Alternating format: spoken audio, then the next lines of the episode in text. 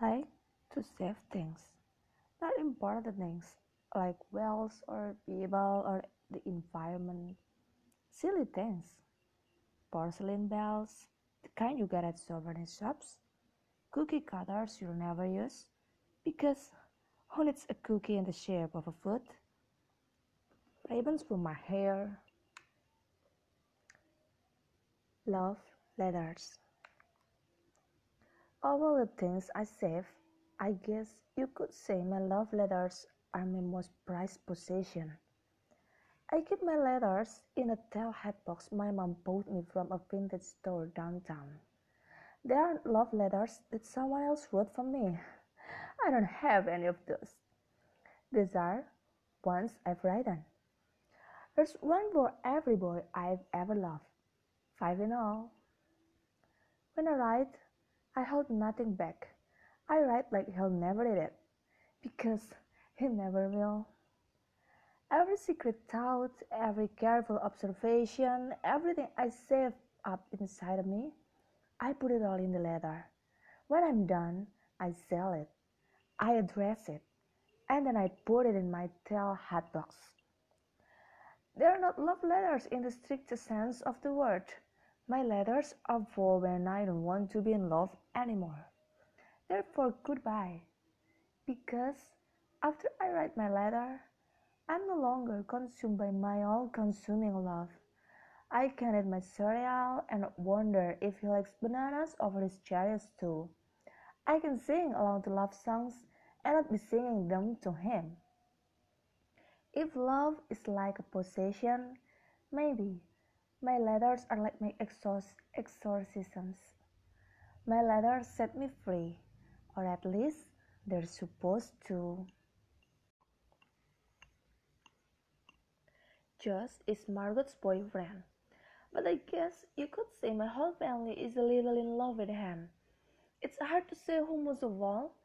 Before he was Margot's boyfriend, he was just Josh. He was always there. I say always but I guess that's not true. He moved next door five years ago, but it feels like always. My dad loves Josh because he's a boy and my dad is surrounded by girls.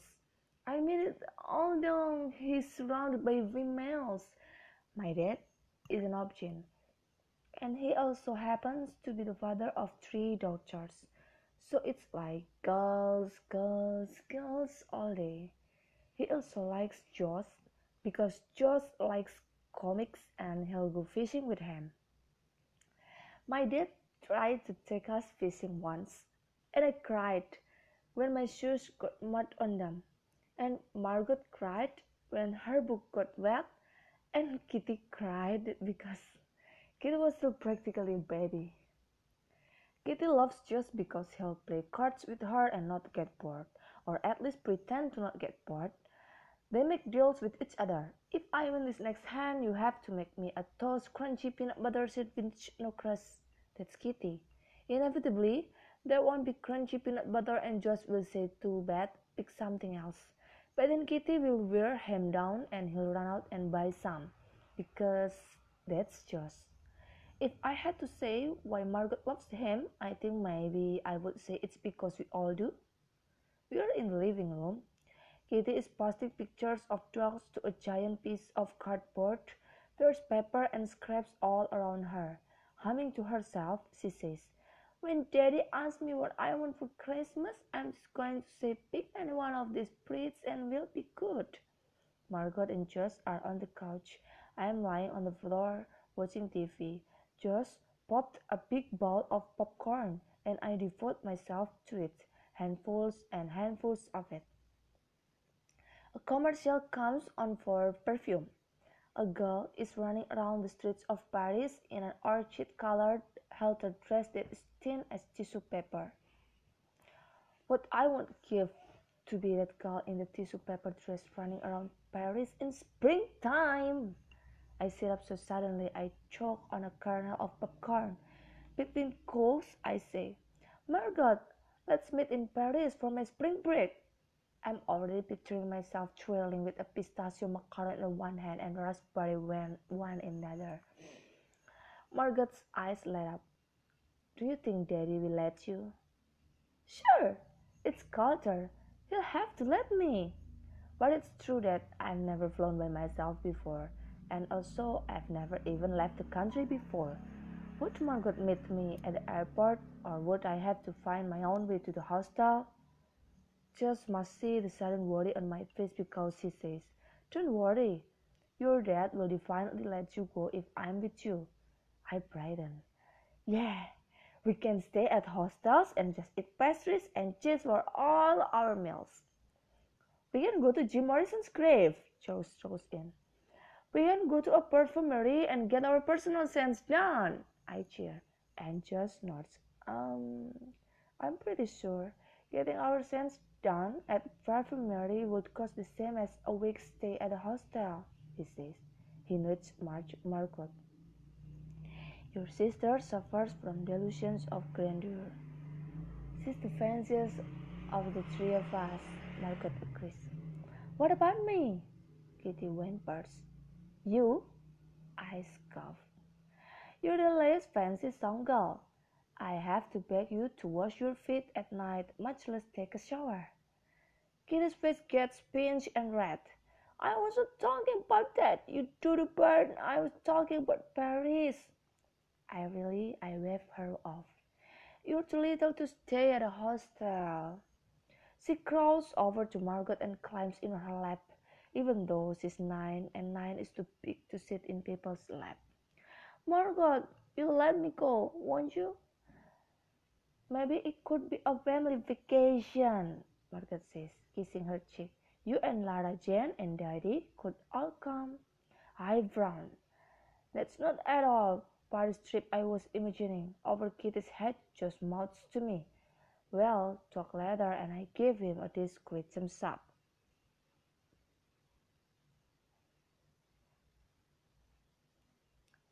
It's later at night. Josh is long gone.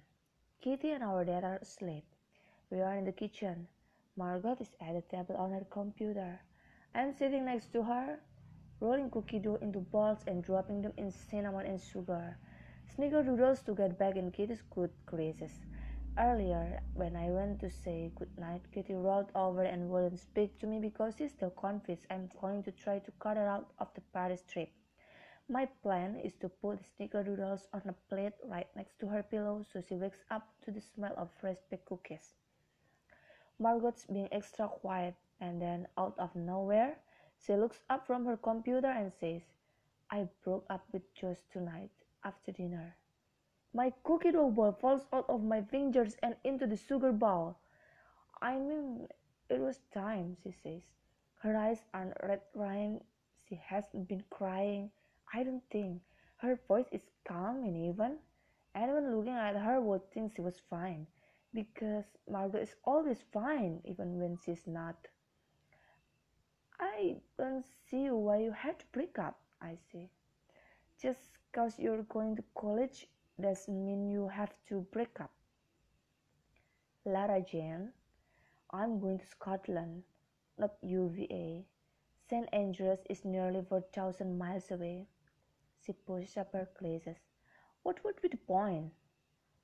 I can't even believe she would say that. The point is, it's just, Josh loves you more than any boy has ever loved a girl. Margaret rolls her eyes at this. She thinks I'm being dramatic, but I'm not. It's true how much Josh loved Margot. He would never so much as look at another girl. Suddenly she says, Do you know what mommy told me once? What? For a moment, I forgot all about Josh because no matter what I'm doing in life, if Margaret and I are in the middle of an argument, if I'm about to get by hit by a car, I will always stop and listen to a story about mommy. Any detail, any remembrance that Margaret has, I want to have it too. I'm better off that than Kitty too. Kitty doesn't have one memory of mommy that we have given her. We've told her so many stories so many times that there's hers now.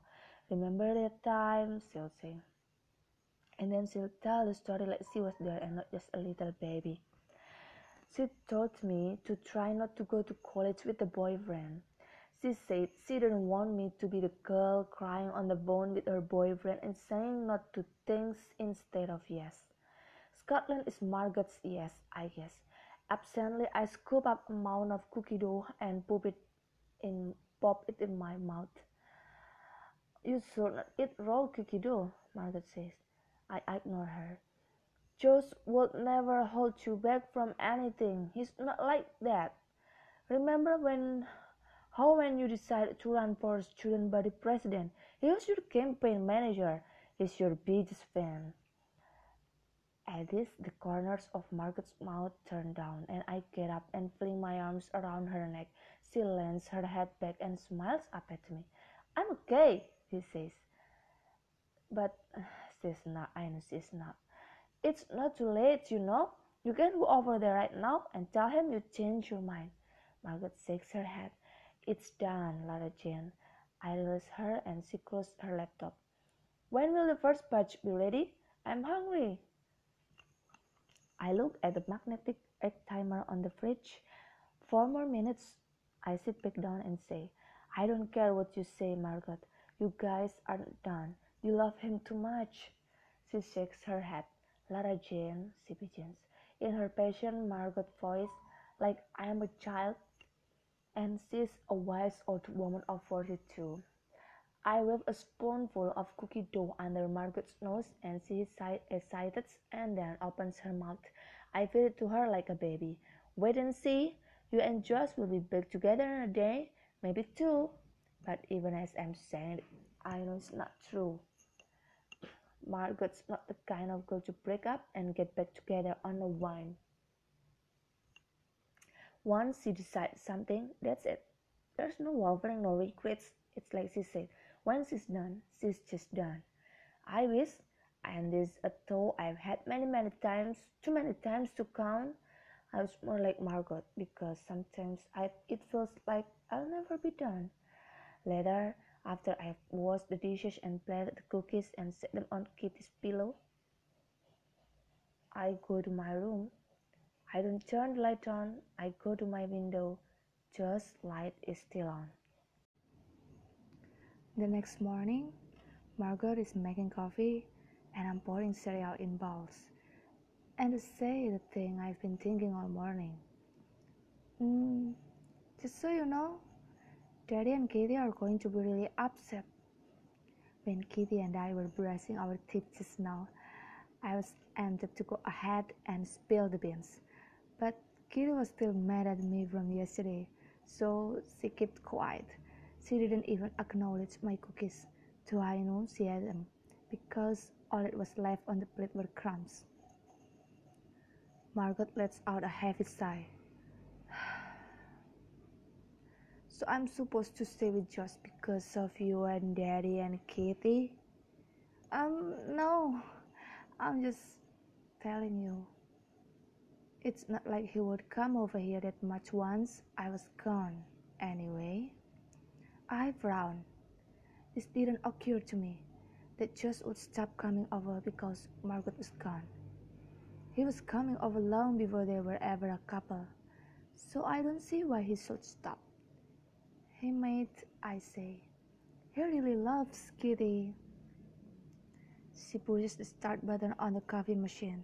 I'm watching her super carefully because Margot's always been the one to make the coffee and I never have. And now that she's leaving, only six more days, I'd better know how. With her back to me, she says. Maybe I won't even mention it to them. Um, I think they'll figure it out when he's not at the airport. Gogo.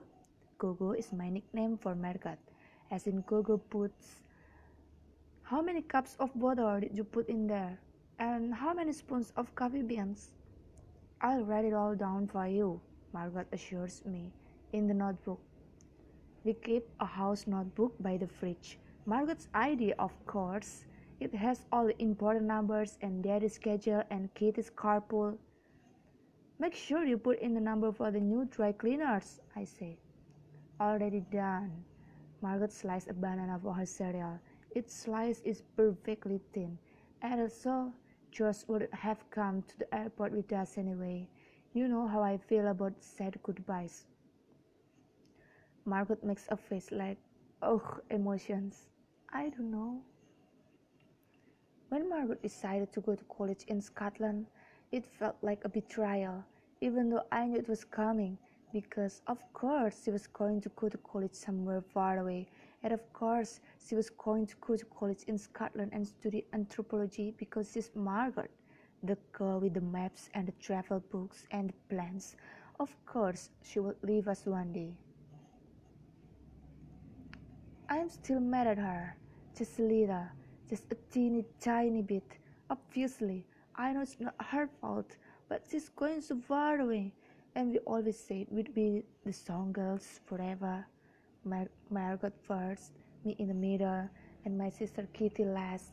On her birth certificate, she is Catherine. To us, is Kitty. Occasionally, we call her kitten because that's what I call her when she was born. She looked like a scrawny, hairless kitten.